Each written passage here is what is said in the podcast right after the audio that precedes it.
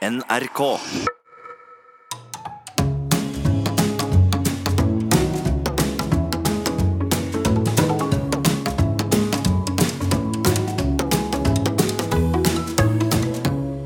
Hjertelig velkommen til Sånn er du her på P2-programmet, hvor eh, vi, og vi det er Nils Brenna, Ja.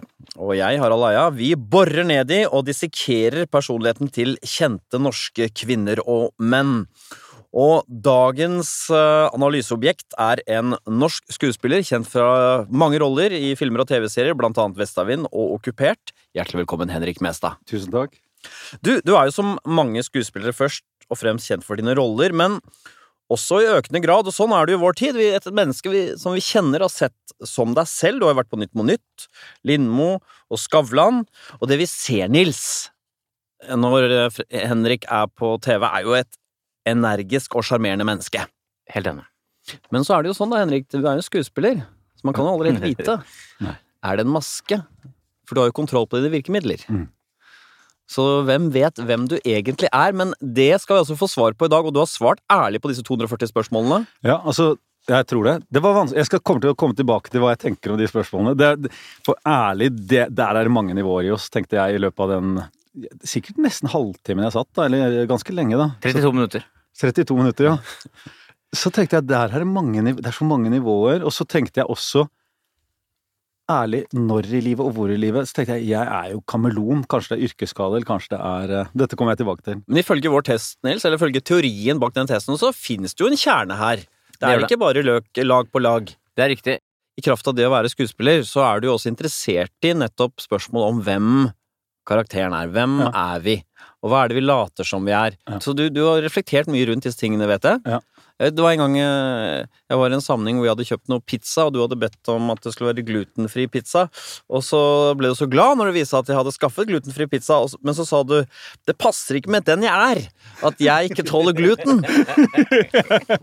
Det er helt riktig. Og hvem er det du er da? Det passer ikke med selvbildet mitt. Ja, hvem, altså. hva, hvordan da? Altså, en, en som er eh, vid og raus og bring it on. Det, jeg spiser det du kommer med. Ja, Og så er det dette med gluten. Og så viser det seg Nei, det der funker ikke, altså. og det er så, sånn, det er så fashion-greie også i tillegg. Nei, det der plager meg. At vi skulle måtte diskutere det. Så Ja, er det er spennet mellom robust og puslete, der, så dukka det opp noe gluten. ja der er det, vet du. Mm. Det er der. La oss begynne med denne, mm, denne gutten som ikke tåler gluten. Vi skal se på Henrik Mesa's score på personlighetstrekket nevrotisisme. Altså, Nevrotisisme handler jo ikke om å være matintolerant, selvfølgelig, men det er jo en, en, det at man er litt uh, kjenslevar, da, ikke sant? Ja. Og særlig negative følelser. Altså eh, at man eh, fort blir engstelig, stressa, og vi begynner med engstelse. Eh, Tilbøyeligheten til å oppleve uro. Og Nils, vi har testet mange mennesker etter hvert. Hvem er det ja, som har vært engstelige her? Det er jo mange, men vi kan trekke fram to. Trond-Viggo Torgersen, som blant annet er redd for å kjøre heis. Ja. Og så er det Espen Eckbo, som er redd for det meste, Harald. Miljøet, blant annet, og mye annet også. Og så har vi folk som ikke scorer noe høyt på engstelse, som er veldig lite plaget av det. Åsne Seierstad. Ja. Vært i Bagdad uh, under krig, uten at det er noe stort problem. Og også Solveig Kloppen, som man tenker kanskje er litt sånn redd type, som veldig uredd. Lite engstelse i livet. Ja, men Det er interessant, men Solveig Kloppen kan man ved førsteinntrykket er jo selvfølgelig litt sånn skjør. Nei, kan, jeg, hun er sånn veldig lav, ikke sant? Lavt tyngdepunkt. Ja. og bang, her står jeg, fjellstøtt, Ja. og er blid. Ja, er Jeg, jeg skjønner hun jeg tenker meg om. Hun er emosjonell, men unevrotisk. Ja, nettopp. Og så hva med deg, Henrik? Er du en uh, type som engster seg mye, eller ikke? Jeg var en, et engstelig barn. Min identitet Første gangen jeg begynte å bli intervjua liksom sånn i 25-årsalderen etter teaterskolen, så hadde de ringt hjem til mora mi, og da var mitt image var at det burn, sterk og, og tøff og alt av image, og det var det. Så sier denne portrettjournalisten da etter en time til deg Ja, vi snakket med moren din, og da sa hun ja, Henrik har jo alltid vært så nervøs, han. Det var det hun hadde svart om, om gutten sin. Ja, for lille Henrik, han, var, han har klynget seg til mor og Han var, jeg var innmari mørkeredd, altså mye mer enn vanlig, og veldig høydeskrekk, mye mer enn vanlig. Og mor, som nå har begynt å glemme ganske glemme mye En ting hun husker veldig mye, nesten hvert fall en gang i uka, så snakker hun om Hva var det jeg Vi dro opp der, hva heter det, Linderudkollen, det hoppet. Og så, hva var det jeg Da skulle hun gå bak meg, så skulle jeg øve. Så vi kjørte opp der en hel sommer. Så skulle jeg gå høyere og høyere opp i trappene der, skulle hun gå bak og passe på. Trappen opp til Opp til toppen topp, av hoppet. toppen av hoppet. For da er det så luft, Skranglete, du ser så mye sånn luft. Ja, så skranglete nettopp. Sånn røkleverk oppover der. Dette er noe av, de minnene som står klarest hos henne nå, at hun dreiv på med det med meg. For at jeg skulle øve på å, å tørre å Så den høyder. engstelige gutten skulle øve Jeg, seg på å jeg, gå jeg tror jeg var innmari engstelig, også, og veldig høydere da. Jeg drev samme sånn egentrening av, sånn høy, av mørkredd-greia. Slukk, dimmet lyset litt og litt ned. Du, ja ja. Du ville ikke sove med på- lyset av, sikkert? Endte på grave... Altså den der kirkegården på Grefsen. Satt jeg der inne og tvang meg, løp inn der, satt der og løp inn igjen. Uh, det drev. Jeg drev helt aktivt med det som sånn tiåring. Gjorde du det? Ja, ja, ja. Veldig, altså. Hva gjorde du for noe? At du Gikk inn på gra kirkegården. Å ja. På Grefsen kirkegård. Så der sto under siste gatelykta, og så løp jeg inn der. Og var der. Og så løp jeg ut igjen til gatelyset, og så drev jeg på og prøvde å være lenger pressa lenger der inne. Og pressa. Høyde og mørke. Så jeg har vært en veldig engstelig fyr, men på en måte en eller annen modig engstelig type, da. Men, men denne, du snakker om at du var engstelig som barn. Hva med som voksen? Er du, er du generelt et engstelig menneske? Tenker du det, på deg som det? Det er veldig mye jeg ikke er engstelig for. Noe har kommet med alder og sånn. Eh, men, men det er masse engstelse der. Hva er du engstelig for, for eksempel? da? Nå er det, jeg har begynt litt seint med å få barn og sånn. Alt, alt som knytter seg til, eh, til barna. Altså nå, eldste er ni år, det er bare en uke siden, og så gikk, går jeg på ski med hun minste, og så ønsker hun andre vente, så er hun ikke der ved den parkeringsplassen, og det begynner å bli mørkt. Hva ser du for deg da? At hun har kjørt Nei, den, den tanken som jeg ikke slipper til, som, jeg, som er på vei inn, er noe sånn fælt, sånn som ikke skjer i Norge i det hele tatt. Altså kidnapping? og Sånn at, ja, kan noen ha sagt 'bli med i en bil'? Ja, ja, ja. Eh, men det konkrete er nedover disse bakkene her. Måka ut og smelt i et tre, og så har ikke jeg sett den når vi nå kjørte nedover disse bakkene. Og, og så kaldt som det er nå, så det er snart blir mørkt. Så den er jo rasjonell engstelse, da. ja, ja, ja. Og ser du Men- for deg at du finner henne, og så er det istapper som Nei, så langt, så langt rakk jeg ikke, for jeg var bare jeg jobb, Men det, har, det er fordi jeg jobba kjempeaktivt med ikke å slippe inn noe sånt. Du vet, hvis du får Når man får sånn engstelse Ja, men dette er jo eksponeringsterapien. Du må slippe tanken løs. La den spille seg helt ut, trodde jeg var Å ja, nei, det var, ja, jeg har jo ikke forska på dette som tiåring. Nei, det, det jeg har kjent på, er den, kom, den blir jo lammende hvis den kommer langt inn, men den gir energi hvis du ikke slipper den langt nok inn. Mm. Sånn at, så jeg løp opp til en kar som var i en hytte oppe Skar, på Skar, dette er, der er en kar om en hytte, roper til han, ikke sett, så, ok, så, jeg, så kjører jeg nedover, og da har jeg allerede begynt å si til de få skiløperne som fortsatt var, var på vei, så hold han litt her nå, for kanskje vi alle må, da, alle må være med å gå oppover for å se, ikke sant? Altså, da, det er jo rasjonelt, og det er å igangsette de som har noen hodelykter og folk har mobiler de kan lyse med og sånn. Så var hun selvfølgelig på feil parkeringsplass lenger ned og sto oh, ja. der. Så alt var kult. Men da kjente jeg sånn at jeg måtte jobbe for å bare være aktiv og gjøre smarte ting. Fordi hvis det kommer litt lenger inn, hvis man slipper Mm. til engstelsen ordentlig da, så blir man, eller i hvert fall, da, kjenner, da blir man paralysert, da blir man litt sånn dust. Ja. Da blir det bare, begynner det bare å spinne i huet. For dette er møtet på en måte mellom sårbarhet for stress, Nils, og hvordan man håndterer en stressende situasjon, og hvor mye man engster seg for ting. Nettopp. Jeg tenkte på det underveis, fordi at du har da tross alt fått en meget høy score på engstelse. Jeg kan ta scoren bare sånn at folk eh, skjønner hva det er snakk om. 50 er snitt. Ja. Over 55 begynner det å bli høyt. Eh, Det går bare til 80. Eh, På 65 så er du på 5-6 øverste prosentene. Du er på 66. Ja. Altså 5, 5%. høyeste, cirka. Men som Harald er inne på, da. Du har relativt lav score på sårbarhet for stress, så du er ikke så dårlig til å takle stressende situasjoner. Å ja, nei, men dette passer jo midt Dette Nettopp. casen er her var, var akkurat, ja. Ja, Yes. Så du, så, men det du sier i- tidligere, er jo at du har en del uro på ting. Ja. Hva kan det gå på? Ja, ja. Veit du, den uroen, den har jeg tenkt Sånn til å begynne med, når vi sånn cirka For å snakke om det, igjen rygge tilbake til når vi, jeg var ferdig på teaterskolen, og så husker jeg du, Harald, plutselig kom dere på Lillelørdag og var sånn Når man møttes ute på byen da, da var vi plutselig Du, du ble plutselig ekstremt eh, sånn kjent som alle skulle bort til, men jeg også, med det Vestavind-tida var jeg veldig det, kjente, det var veldig usunt for meg. Oh ja, hvordan da? Det blei jeg veldig Jeg blei veldig sånn på sida av meg sjøl. Så jeg bestemte meg for aldri mer å være på TV. Gjorde det? Ja, først var det utrolig deilig. Du får så mye gratis is i alle versjoner av Ja, den. ja. Men så øh, mm, Da kjente jeg Jeg ble utrolig urolig av det. Ja. Og så tenkte jeg det er jo den, det som er bensin til min til det jeg får til så, i jobben, er jo den uroen, tenk, tenkte jeg. Kan du beskrive den uroen du følte da?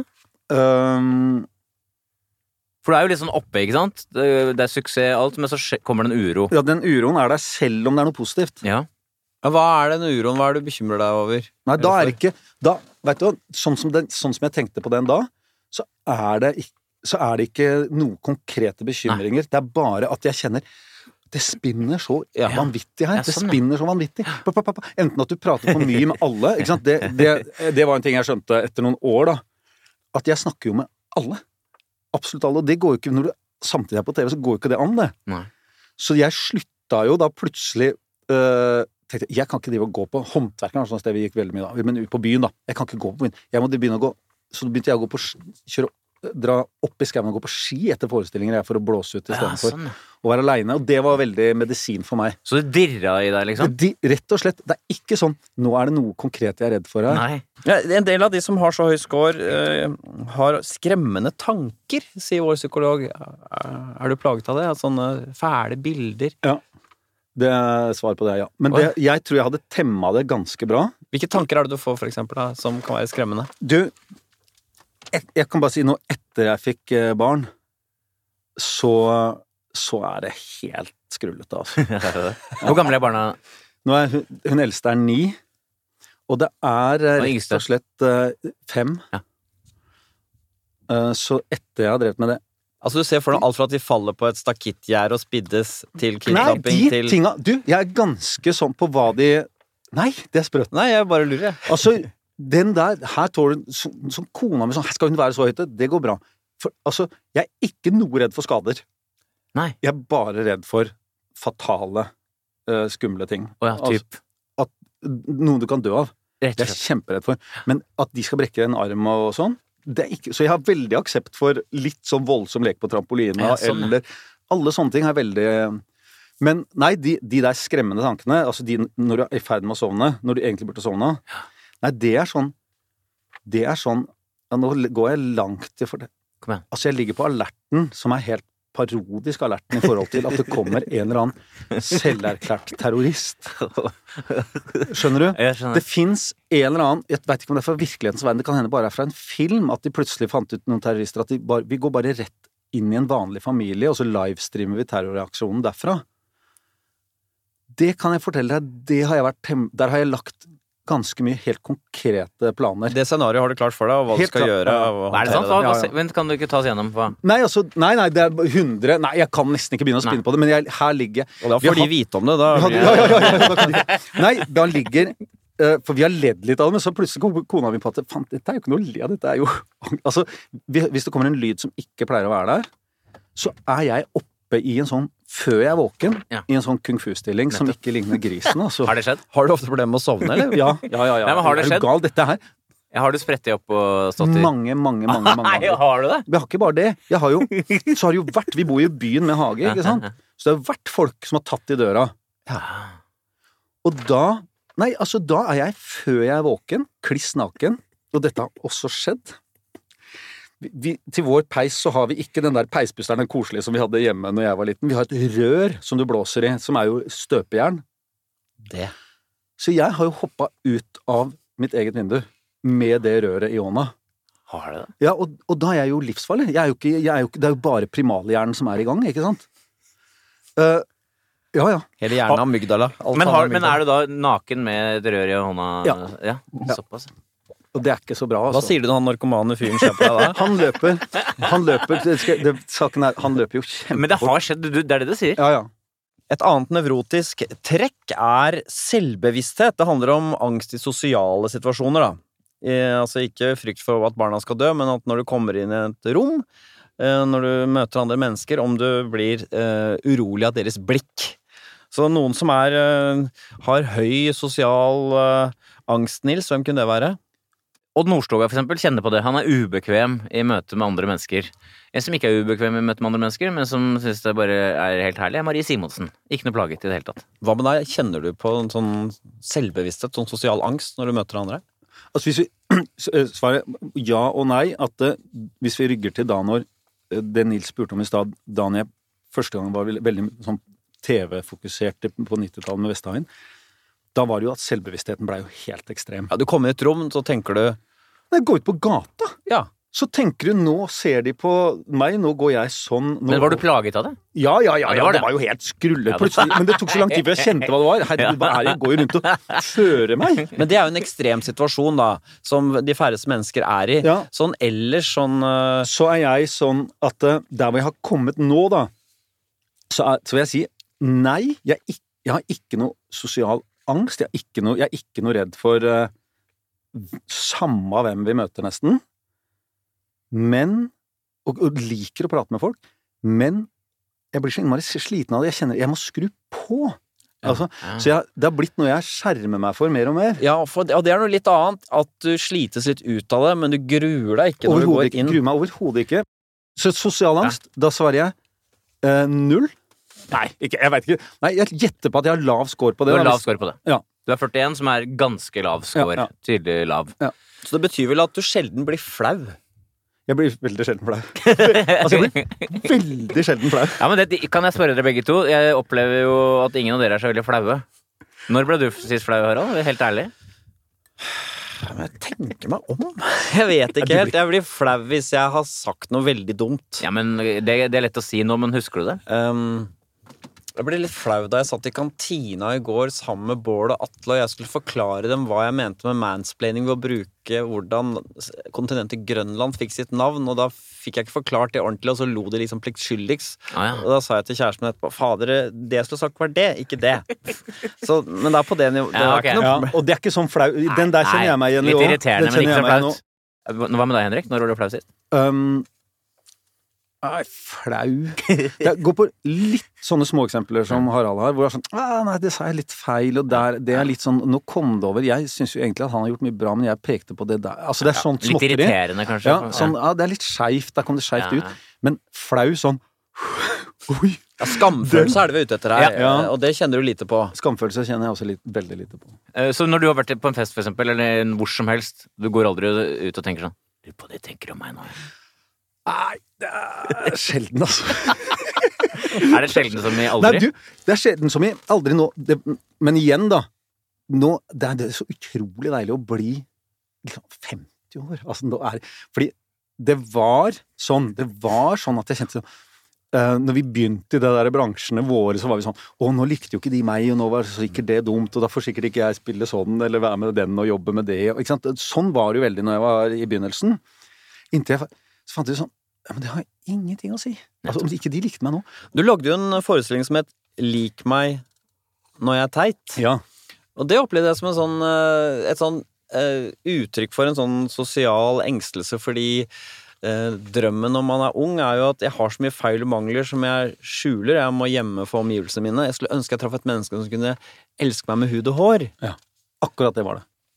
Det var det, det, det, var det den forestillinga var en det, det var det jeg ville lete i og, og Så det var en periode i livet ditt da hvor du åpenbart tvilte på om eh, folk ville sette pris på da, At du skammet deg på en måte litt over de, de trekken du hadde, da, på en eller annen måte? Ja, for, ja, ja, ja, ja, definitivt. Ja, det var det. Lik meg når jeg er teit. Det er jo helt Ja, for jeg tenkte jeg var veldig teit. For jeg har vært litt På en eller annen måte sånn jeg har litt fortsatt, men altså, før så var det mye mer at jeg veldig ofte mer bomma på humoren. Så, men jeg har jo sånn koselig humor derfra fra Skeidbanen, men den funka ikke her med dere smartingene derfra. Og, og, så, og, og den er helt feil, men det, det Gjør det noe? Altså, kan, er ikke det greit, da? Men øh, alle, alle sånne ko... Ikke sant? Jeg har skifta så veldig miljøer, ikke sant? Altså, så da, da, da blir det jo helt på sida kodemessig, men istedenfor å holde kjeft, så har jo jeg drevet på, jeg har lagt, strukket meg fram.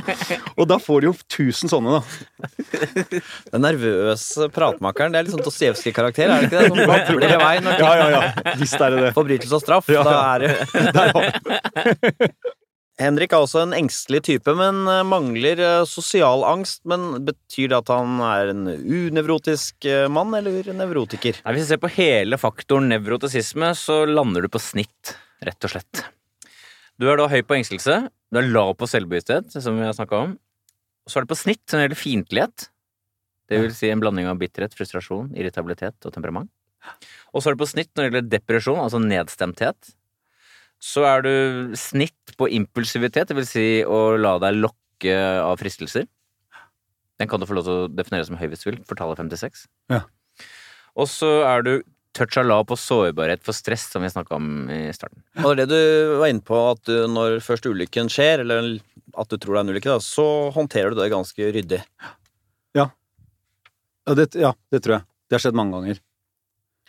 Du har jo beskrevet eh, at det finnes en slags kraft i eh, de nevrotiske trekkene dine, Henrik, men det som virkelig gir deg gass inn eh, i møte med andre mennesker og i møte med verden, er jo neste trekket vi skal se nærmere på. Her er Henrik Mestads score på ekstroversjon.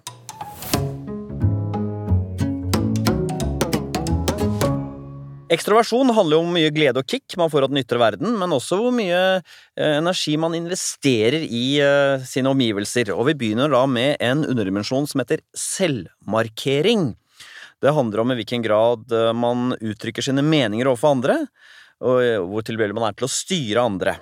Så det er altså en slags form for selvhevdelse vi snakker om her. Ja, en sosial dominans, om man vil. Ja, Jeg kunne gjetta på det, ja. Ja. Vi kan jo gi et eksempel. Kristin Clemet er en dominerende person sosialt. En som er veldig lite dominerende sosialt, er Hegel Hegerberg. Han kan godt være stille hele kvelden, hvis det er det med å gjøre. Ja. Hva med deg, Henrik? Stille hele kvelden. Det Hvis det er noen andre der. Men det, det, det har ikke skjedd. Det har aldri skjedd. Nei. Nei. Du har fått tallet 66. 5 høyeste. Et meget tydelig høyt tall. Helt riktig. Fortell, da. Hvor den trangen tar til å si noe. Veldig ofte så tenker jeg Her, Noen brakte opp et tema. Det er ingen ekspert. Ingen tar ekspertrollen. Jeg har hørt noe på P2 om dette her. Jeg tar den ekspertrollen. Jo, nå skal dere høre. Og det går, det går veldig ofte det, det, det jeg ikke klarer å se sjøl, er jo hvor det, det ligger jo et sånn selvhevdende element der, selvfølgelig. Men det det kjennes ut som, er sånn ja, men altså, Vi kan ikke bare stoppe opp Nei, ingen vet det. Sånn. Så altså, nå må vi legge noe på bordet her. Du gir deg en gave til de rundt deg. gave til de rundt meg. Nå legger jeg dette her på bordet, og da kommer diskusjonen videre. Nå smører Ja. vi dette her litt, istedenfor at det bare alle sitter og knirker. ja. Men har noen sagt til deg at uh, Henrik, du kan være veldig dominerende, og du må la andre slippe til mer? Ja, ja da. Har det? Ja, ja. Har kona di sagt det nå? eller? Ja, og, men det er ikke så. Altså, hun ler av dette. Nei, nei, nei. nei. Ofte. Hun sier noen ganger sånn du, Den eh, historien der, den trenger du ikke å ta nå. Fordi dette, nå assosierer jeg den, den trenger du ikke å ta. Og da blir det ikke noe sur. Det Nei, du. nei, nei, nei. Ja. Ja. ja. Ni av ti ganger Så du er tåler sånn ivrig bikkje. Man kan være litt eh, streng mot deg, Ja, så tåler ja. du det. Ja. Altså ni av ti ganger, så. Ni av ti ganger så tåler jeg den. Ja, Så- men ikke én av ti. Nei, en av ti sa jeg nei, nå, hvis jeg er i gang med historien, Ja. da blir jeg sur. Nei, nei, nå er jeg i gang med den. Og disse Og jeg tror jeg har rett. Du sitter på utsida og vurderer selvfølgelig at Hun har jo tenkt sånn Nå må han få fortelle. Han har noe litt sånn Men det er litt Han forteller ikke med like mye trøkk som har hun tenkt. Men så merker jeg Vet du hva? Jeg er i gang her. Denne gruppa her denne middagen trenger at jeg drar denne her med den kro- krokodillehistorien fra Afrika, eller hva det nå er. ikke sant? Så det, det, så, Men også er, tenker du også sånn da at uh, hun har jo hørt deg mange ganger, så hun er, greit nok at hun er litt lei av det, men de andre er ikke lei av det. ja, ja, ja. Det er litt Ja, ja. Øh, men- hun, legger, hun mener hun legger den inn i regnestykket, da. Ja, nettopp. Ja. Øh, Men det er jo riktig. Hun har hørt det mange ganger. Men, men du, du sier at det ikke er en trang til å si noe. Det er ikke sånn at det bobler opp i deg. Men jeg, jeg la merke Jo, ja, det er det. Ja, ja. Hvis, jeg, har sagt det, så må jeg si at jo, det, det, det bobler også ofte, altså. Men er det sånn, i, hvis det er en større gruppe da, Henrik, eh, hva det kunne være et møte eller et foreldremøte eller hva som helst, da har du sånn trang til å rekke opp hånda sine da? Ja, men der øver jeg i, i sånne møter For jeg møter, det er ikke jeg noe glad i. Det er litt større forsamlinger da. Ja, i sånne forsamlinger Nei, så på møter har jeg øvd innmari mye helt siden jeg begynte på, på Nationaltheatret. Det var sånne møter, så tenkte jeg sånn Man må holde kjeft så lenge man kan. Fordi du har egentlig lyst til å snakke da òg? Ja, ja. Ja. Egentlig. Egentlig Så det, det er helt Egentlig så er jeg litt sånn så jeg tenker sånn Ok, ok, ok. Nå vet du hva? Eh, Sånn er det. Sånn, jeg jeg skjønner, nå driver vi sånn, men, men sånn er dette. Det har jeg egentlig lyst til. Men jeg sitter, da sitter jeg og konsentrerer meg for å holde kjeft. Ja, fordi det er sånn, det blir, blir, en stille, det blir en intens stillhet fra deg egentlig da, sånn Ja, sett. ja. Og det er egentlig sånn at du kunne lyst til å si, ok folkens, i dag kommer jeg ikke til å si noe.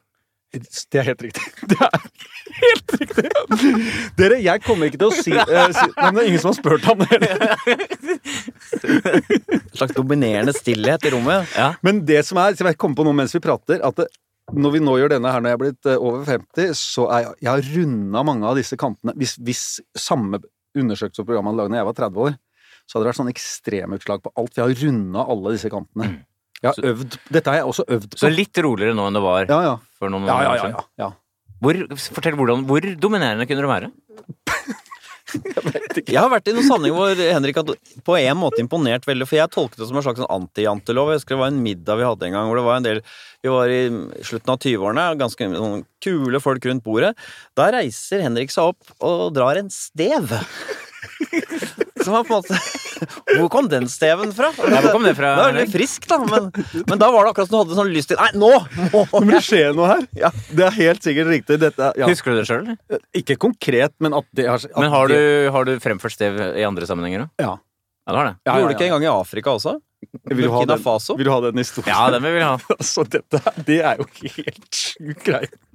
Da hadde jeg vært i Burkina Faso på 90-tallet og drive og undervist i teater. Og det, Burkina Faso, der var det altså Det landet var Hele hovedstaden, én million mennesker, er som en gigantisk landsby, ikke sant? men med en bitte liten flyplass. Så jeg mista passet og alt sånt, og uh, skal reise hjem, og noen har sagt at de har fiksa det. Uh, it's okay with the cousin, Så jeg har dratt. Jeg har ingenting på meg annet enn T-skjorta, og bagasjen er borte, og så får jeg ikke være med passport. Og det det er militær, har vært militærstat, ikke sant, og nå er det midt imellom.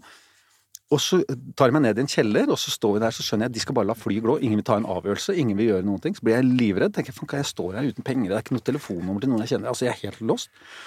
Så sier jeg til de sitter i For vi har reist masse rundt, og sang har vært greia. ikke sant, jeg har vært i sånne landsbyer og sånn. Så sier jeg til disse her militærgutta Jeg kan ikke fransk engang, og så sier jeg Sava. Øh, i vitja hava en cola brenner, han tar på patten med skitne hender. Nei, jeg vil hava en spelemann Han leker altså, altså Sånn! Og så, bare for å bryte gjennom, skjære igjennom, og så ser de på meg. Så sier han, tror jeg, ja, det er jo bedre å tulle med mennesker enn å skyte For poenget er at jeg har sagt jeg eh, når, vi, når Henrik Mestad, eh, komedian, som jeg trodde det het, norvège står det på innreisepapiret mitt, så har jeg skjønt at han har ikke lett i noe innreisepapir, Han bare sitter og blar og venter på at flyet skal gå. Så der var det va? comédien, sier jeg når jeg har sunget, da. Og så klapper det. Så skriver han på en sånn kladdebokark. Nenrik Mest, komedian norvège. River ut, gir meg hånda, og så ut på rullebanen, og så mot flyet. Så kommer det løpende! Noen som roper Au! Hæ? Står det sju karer med maskinpistoler. «Du, du! Hæ? Hva? Å, Får ikke reise. Helvete. Chanson! Hm? Chanson! Chanson? Chanson? Oui. Hva betyr chanson? Sang. Jeg vet ikke, synger jeg en gang til for de gutta på Er det er klinke 100% sant. Og så om bord på flyet så står de der maskinpistolgutta. Altså. Du kunne stevet deg gjennom Afrika. Stevet meg tvers gjennom Afrika. Henrik har et tydelig ekstrovert trekk på selvmarkering, Nils, men eh, det er jo flere andre underdimensjoner under ekstroversjon. Hvordan ligger han her? Ja, eh, I sum på ekstroversjon så er du tross alt ganske høy, da. Tallet er 57. Ganske høy. Ja. Ikke ekstremt høy, men ganske høy. Du er da svært høy på selvmarkering. Du er høy på det som heter aktivitet, som er travelhet og energi. Tydelig høy. Ja. Så er du touch og høy på det som heter ekstraart varme, det vil si nærhet og inderlighet. eh, hvor liksom eh, inkluderende og tett på du kommer folk. Ja. Ganske høy. Og så er du på snitt eh, på det som heter spenningsøking, det vil si en sånn rar blanding av skrekkfilmer og berg-og-dal-bane. Ja, da kan jeg si at der skjønner jeg hvorfor jeg er på snittet, men der er jeg egentlig to ender av skalaen. For jeg er på skrekkfilmer, det tåler jeg ikke. Jeg, kan, jeg ser det, jeg unngår det helt. Jeg har sett to i mitt liv, og jeg har angra dypt og lenge. Er det sant? Ja, ja, for da Det ligger og, Ja, ja. i mange, mange uker. Skremmende bilder. Og før drev jo jeg veldig mye og lå ute aleine i skauen. Og det er helt forferdelig når du da får opp sånn derre Ja, de to skrekkfilmene jeg har sett i mitt liv, eller andre sånn type bilder, da. Ja. Mens, men samtidig så er jeg Jeg har en veldig sånn dragning eh, Jeg kunne, hvis jeg hadde starta før øh, Jeg kunne Jeg skjønner veldig godt at folk begynner med base. Basehopping. Ah, sier du det? Ja, altså Det kunne du jo Ja, i det er en veldig dragning mot det, samtidig som jeg eh, Samtidig som jeg eh, har jo den der høydeskrekken som ligger i bånn, da. Men eh, mange av de folk jeg har klatra med, de hopper jo base også. Jeg, jeg tenkte at det skjønner jeg. Så er det dette trekket som alltid skiller de som får gjennomført ting, Nils, eh, fra de som ikke får gjennomført så mye, og det er planmessighet. Er Henrik Mestad en planmessig type, eller er han en rotekopp? Planmessighet det handler jo om viljen og drivkraften til å prestere for å oppnå sine mål. Og en interessant underdimensjon under planmessighet er det som kalles for betenksomhet. Og Det er en viktig egenskap, Henrik, skal man få gjennomført ting, fordi det handler om å kunne tenke gjennom ting og ta hensyn til konsekvensene før man fatter beslutninger. noen som har en tendens til å tenke nøye gjennom, Nils, av de vi har hatt her. Ja, Noen som er så uh, høye på betenksomhet at det kanskje kan uh, nærme seg omstendelighet, hva vet jeg, det er Pernille Sørensen. Selvfølgelig. Og så er det en som er veldig motsatt ende av skalaen, som ikke tenker så mye og har så mange konsekvensanalyser før han uh, gjør ting, nemlig Fredrik Skavlan. Kanskje ikke så opplagt. Uh, han har et apparat som prøver å buffre uh, ubetenksomheten. Men hva med deg? Er du en som noen gang tenkt at du tok beslutningen for kjapt? Eller uh, Jeg kan ta det ganske kjapt, ja. Det er riktig. Du har tatt ganske lavt tall, 40. Ja. Du er ganske lav på betenksomhet. Det vil si at du liker å handle ganske raskt. ja. Det tror jeg definitivt. Ja. du er ikke omstendelig. Nei. Har du opplevd noen, kommet til noen vanskelige situasjoner i Norge eller utlandet fordi noen litt dodgy typer har sagt 'du, bli med på dette her', eller kan, kan ikke du hjelpe meg? Eller at du har tatt noen veier inn til steder som du har tenkt 'å, å'. Yes. Ja, ja. Altså, den rå, råeste versjonen av det var Da hadde vi uh, seilt noen typer uh, En kar som var på jordomseiling i årevis, og så blei jeg igjen med han og seile, for jeg hadde så lyst til å seile et langt havstrekk, og seilte fra Cape Town og over til Salvador de Bahia i Brasil. Ja. Så kommer vi i land der, jeg har vært på sjøen kjempelenge, kommer vi i land, og, og da er det sånn Havna er et inngjerda område med væpna vakt. Der ligger et, et par båter. Der ligger vi og drikker litt brennevin, og så går vi opp i byen og herjer, og det nærmer seg karnevalstid, og det er god stemning, altså. Så går vi ned igjen til havneområdet der i Salvador. Der står det, hvis du ser i Lonely Planet, så står det du må ikke finne på, med store bokstaver, bokstavelig talt, du må ikke finne på å være i det området om kvelden. Aldri, aldri, aldri gå dit. Sånn står det i Lonely Planet, har vi seinere erfart, da. Så kommer vi ned igjen der i det havneområdet. Da kommer det bort en sånn 16 år gammel, tenker jeg, prostituert eh, dame som er litt gravid, Nei. og som er narkoman, og sier no, no, no, no, no, no, no, no til oss. Når vi kommer Det er en sånn byheis. Altså, det er ikke en trikk, det er en slags heis som går rett ned til dette området. Jo, men vi skal jo til båten. Nei, men du, vi har litt mer penger, og vi skal på en pub, og Nei, nei, nei, nei, nei, nei, nei sier hun. Men vi Jo, og så er det noen andre. Jo, jo, her er det øl og bo, bo, bo. Og så inn der, så kommer hun gående etter, og så bare viser hun til meg sånn finger over No! These guys cut your throat. Oi. Og så tenker jeg nei, det er ikke noe problem. Her er alle pengene våre, vi spanderer på alle, vi har ikke noe mer penger. Altså, det er jo helt eh, Dette er jo home free. Da Det er første og eneste gang i mitt liv at jeg fikk både en bokstavelig talt en kniv på strupen og en pistol inn i magen. Eh, Det var veldig, veldig ubehagelig. Du fikk det, altså? Ja, ja, ja. ja. Men vil, hva, hvorfor, ble det, hvorfor skjedde det ikke noe mer? Rane, nei, det var jo ingen, ikke noe mer å rane, og vi sto der. Han Thomas har reist med han som jeg er sammen med. Da. Thomas Tranquillo, Tranquillo. det eneste vi sa da. Og sto også Tranquillo. De fikk en snusboks, men vi hadde jo ikke noe mer penger. Tranquil, hva betyr det? Eh, Rolig, rolig. Rolig. På feil språk, da, på spansk, men Ja. altså, de, de snakker portugisisk i Brasil, da. Men eh, Så da var liksom uroen svekket alkohol, sikkert, og så ubetenksomhet Nei, men vi blir med her! En ny fest, og det er tipp Ja, topp. Men altså, men dere så det ikke komme, da? eller? Jo, men jeg Faktisk, jo, det, I forhold til spontan, det er sånn tenk, Jo, men altså Jo, men hør nå, vi er kule karer. Ja. Vi skjønner greia. Og vi, vi spanderer litt. Og det er jo jævla interessant. Det er jo masse de karakterene som går ned der. Altså, det var jo sånn sjørøverland. ikke sant? Lapper for øya. Det var, det Ja, veldig Kaptein veldig- Sabeltann, egentlig. Ja. Det var hyggelig og morsomt. Og, Ja, ja. og dere er der- norske, og vi er jo Ja, ikke ja, ja, ja. Nei, vi er, ja, nei, det er ikke sånn vi er norske. Det er sånn vi er kule karer. Vi skjønner men- greia. Vi er ikke noen kjipinger. Og, og her er alle penga, så vi spanderer jo alle casha våre. Hvorfor skal dere rane oss? Er Henrik Henrik Mestad en planmessig type? Helt på snitt. Ja. Han er da litt lav på betenksomhet, eh, som vi snakka om. Eh, gjennomsnittlig på orden. Gjennomsnittlig på plikttroskap. Gjennomsnittlig på prestasjonsstreben, som blant annet rommer det ambisiøse. Gjennomsnittlig der, ja. Mm. Ja. Så er du gjennomsnittlig på selvdisiplin. Og så er du touch av høy på det som heter kompetanse og selvtillit. Så ganske sånn stor tro på at du får til ting. Ja, Du tenker at du kan ting, du vet Du, du er kompetent. Ja. Kan du bekrefte det? Ja, det gjør jeg. Det tenker jeg. Ja, fordi jeg har hørt deg si noen ganger 'dette kan jeg'. Altså, Det er jo herlig.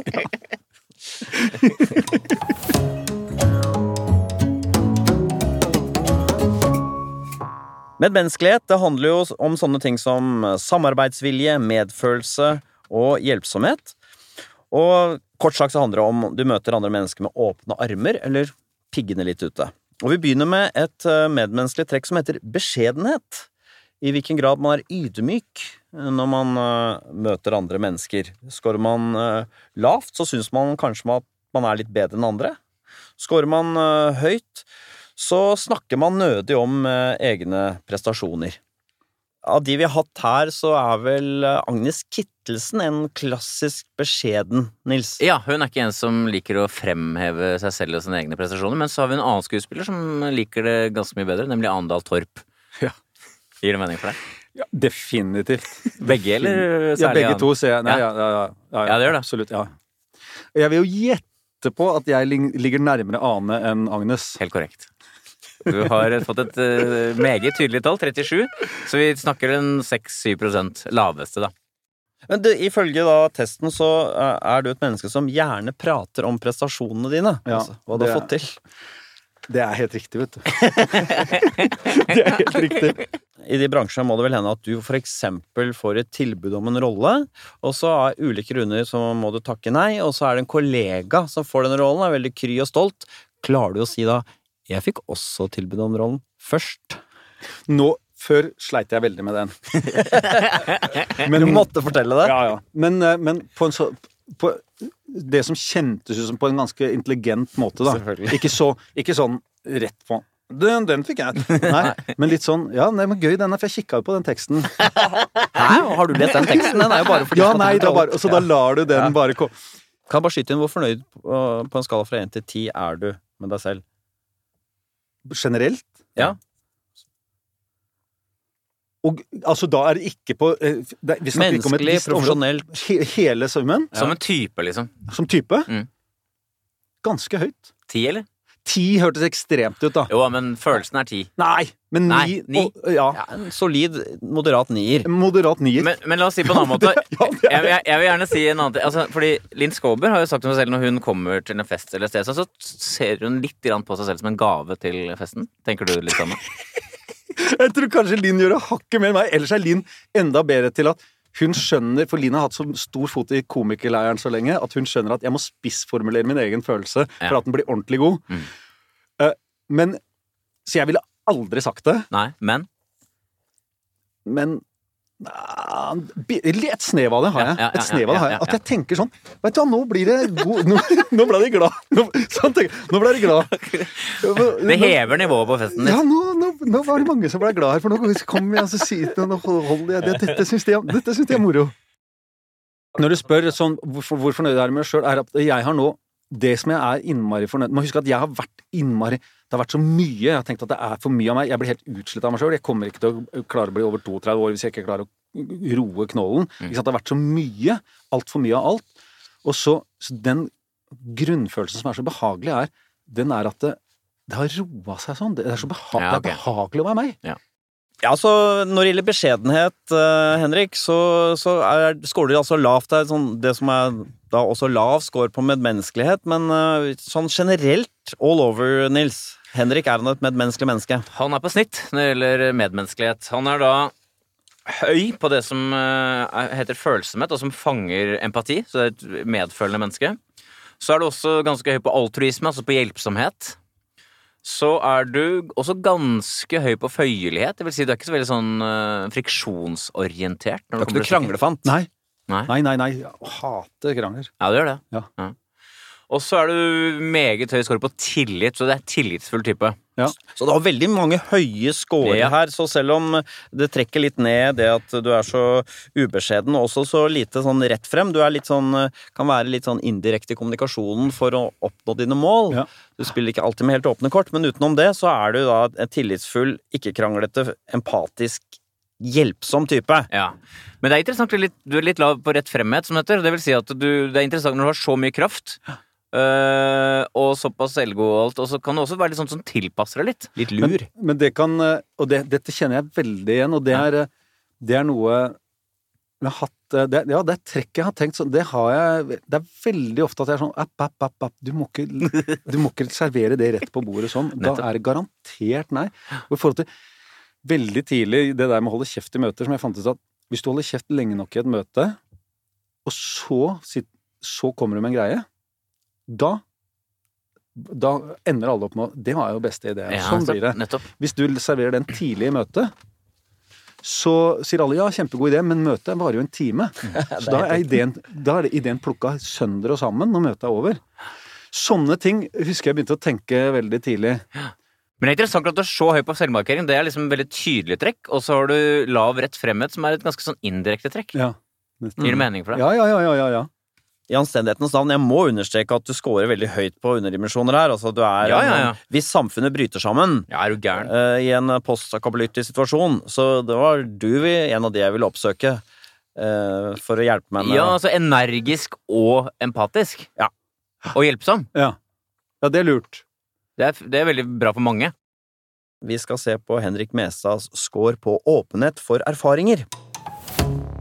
Åpenhet for erfaringer, det er jo nysgjerrighet, Nils, på nye erfaringer, nysgjerrighet på kunnskap, men også fantasi og også åpenhet for da følelser. Dine egne følelser, du liker å bore ned i deg selv, og andres følelser. Og det er akkurat dette vi skal begynne med, åpenhet for følelser, hvor mot mottagelig man er.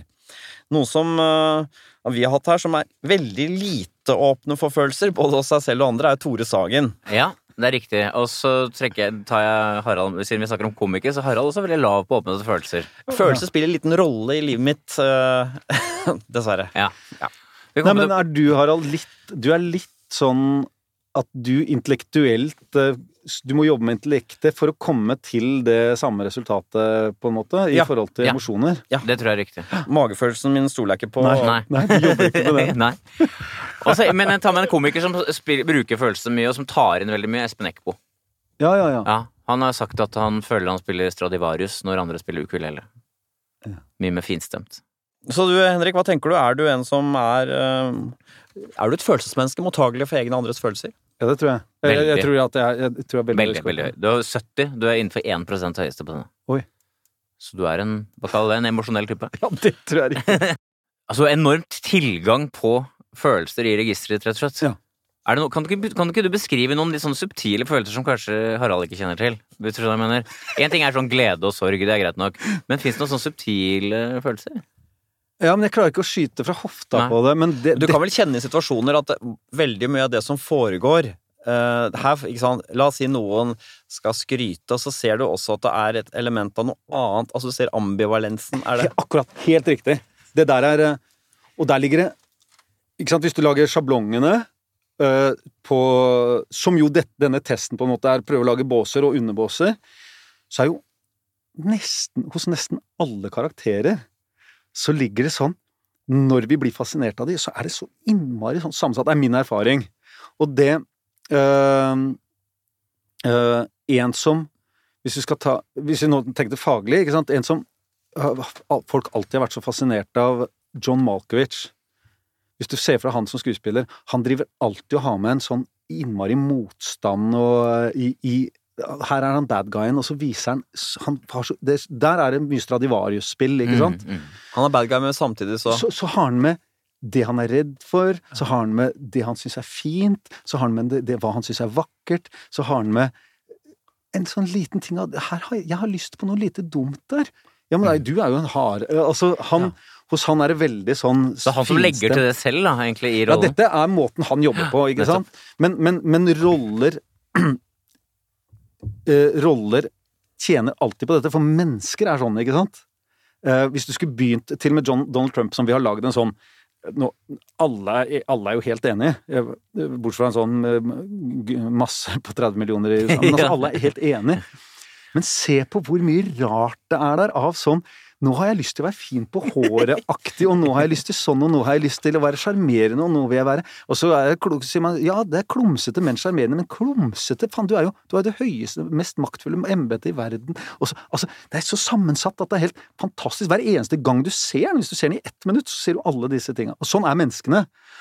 Og la oss si en sånn karakter du lagde, som var han der som lagde lagd sånn pestsentral Dette er for vår, vår generasjon, da. Mm. Thomas André. Thomas André.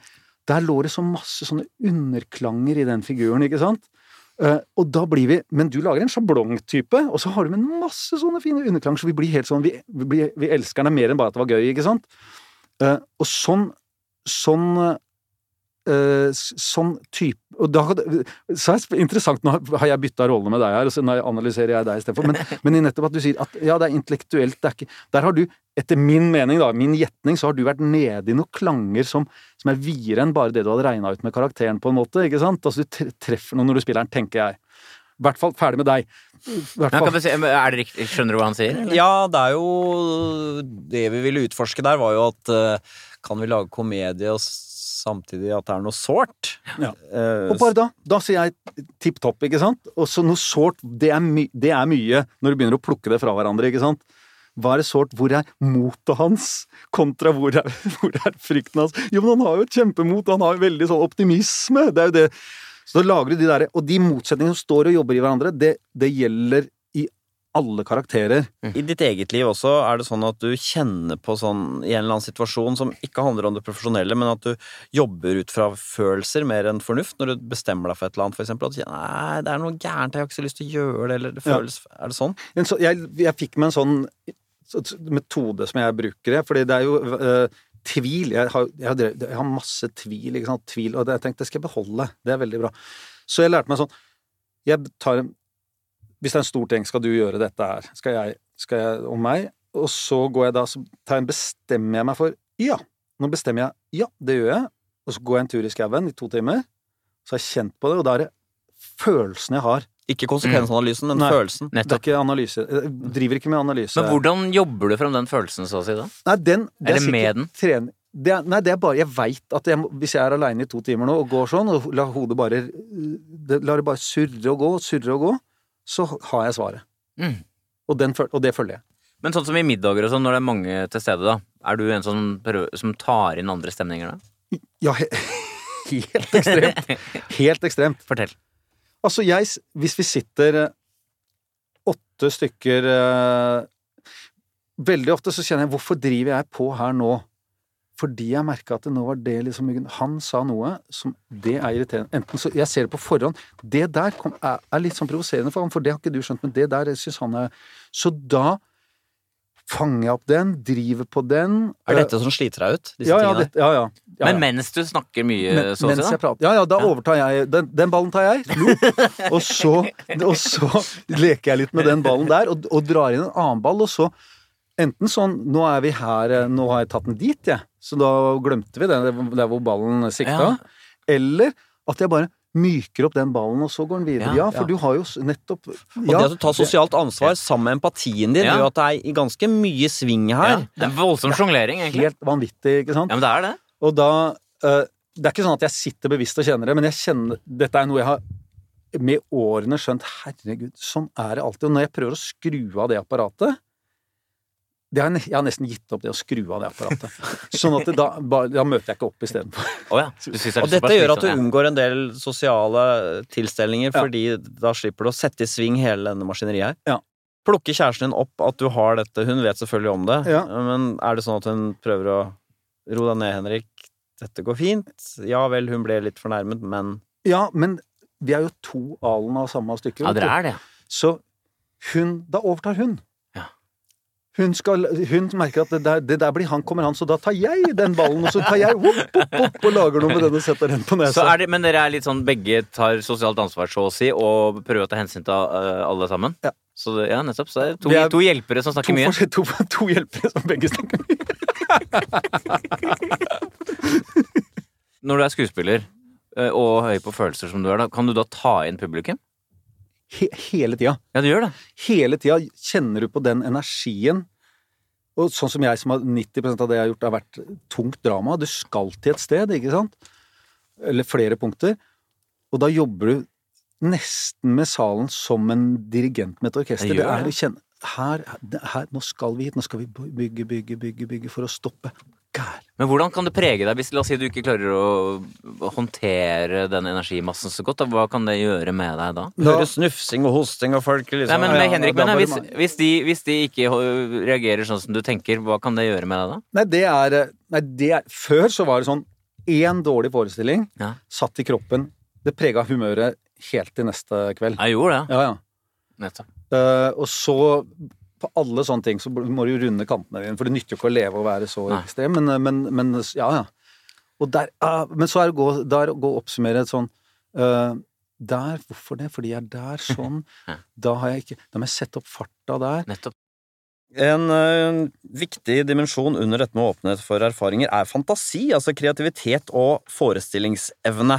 Vi trenger ikke forklare hva det er, Nils. Eh, Nei. Det er jo en som har mye av det, er jo Erlend Lo.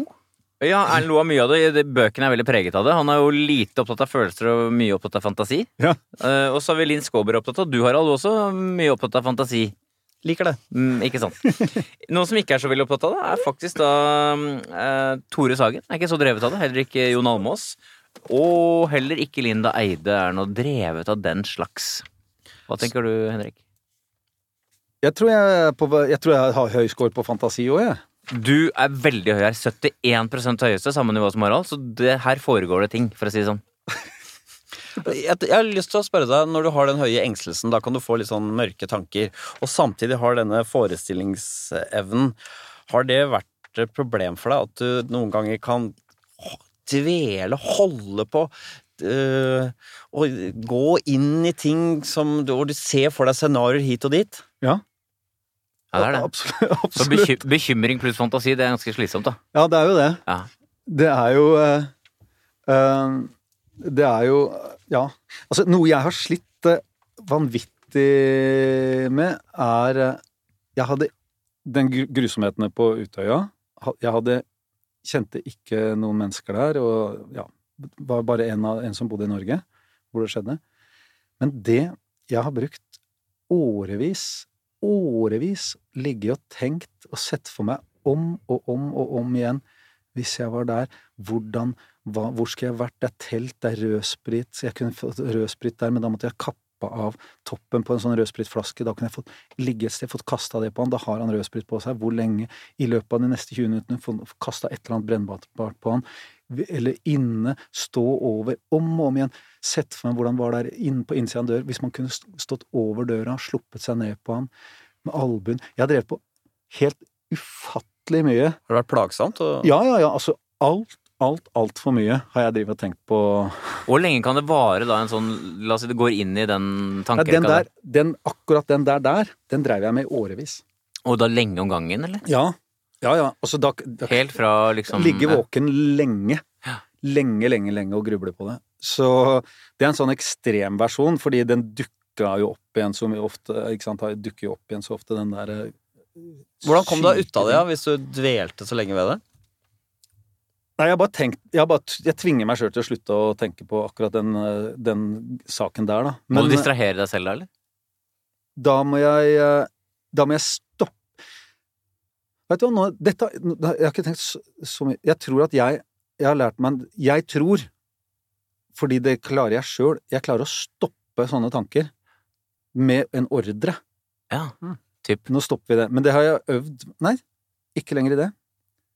Du nærmest sier Og det da må jeg bare putte inn Ja, ja Mm. må jeg, så må jeg putte inn en annen tanke. Ja. Fordi fantasien Men det, det, i og med at vi da har så høy score begge to, Harald, den går jo uansett, den. Hele tida. Eh, og, så jeg har jo alltid mer enn én ting Nå snak, Mens jeg snakker nå, kan jeg snakke om det, men jeg har alltid en annen assosiasjon som allerede spinner litt Ja, et annet sted i hodet. Ja, språket er lineært, mens forestillingsevnen, den er Den, mer som den er helt den er, den er, Det er mange flere Jeg kunne sunget en annen melodi nå, samtidig, for det går en annen og to andre melodier oppi her sånn, nå. Ja. Og, og den Så man må bare voff, Den der må vekk, og så sakte, men sikkert så kommer den eh, så, så, så kommer, havner den mer og mer inn i tåka, den Eksempelvis den Ja, han, den som var og som, Den som overtar, er det bevisst at den er litt kjedelig da, eller? Kan, Ja, kan, da, da bør man ta noe sånn eh, Hva kan det være? jeg, jeg går ut i natur, eller altså jeg velger noe sånn mye rolig. Det er jo det som er det nedroingsstedet mitt, er ute i naturen. Ikke kan tenke på et fjell, liksom, eller? Ja, ja. Dette er jo meget høye scorer, Nils, som Henrik Mestad har på underdimensjonene på Åpenhet for erfaringer, og det betyr vel at den samlede score kan vel ikke være lav? Nei, den kan ikke være lav. Og hvis vi ser på de fem faktorene vi har vært gjennom til nå, så er det en som er virkelig høy og tydelig her, så er det din score på åpenhet. Du har fått samlescoren 71, du er blant de 1% åpneste, eller mest åpne. Rett og slett. Du har da svært høy score på fantasi, svært høy score på følelser. Du har også meget høy score på åpenhet for ideer, altså intellektuell nysgjerrighet, og også intellektuelt nysgjerrig. Ja.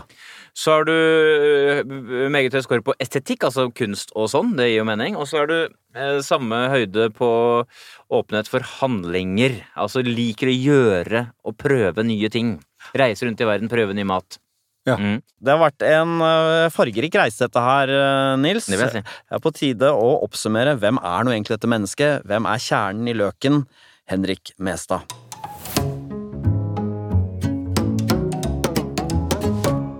Henrik, det er altså, du, for en fest det har vært. Og ikke minst å høre om hvilke kamper du, og hvilke krefter, og hvilke motkrefter, og hvilke prosjekter, og hvilke eh, Nei, stopp, ikke tenk. Altså, det er jo et indre drama her som alle skuespillere og alle skuespill eh, skriker etter. Så sånn sett så skjønner jeg jo at du har valgt det yrket du har, da. Ja, det er et indre drama, men også mye ytre handling. Absolutt. Du er en engstelig type som er sosialt dominerende.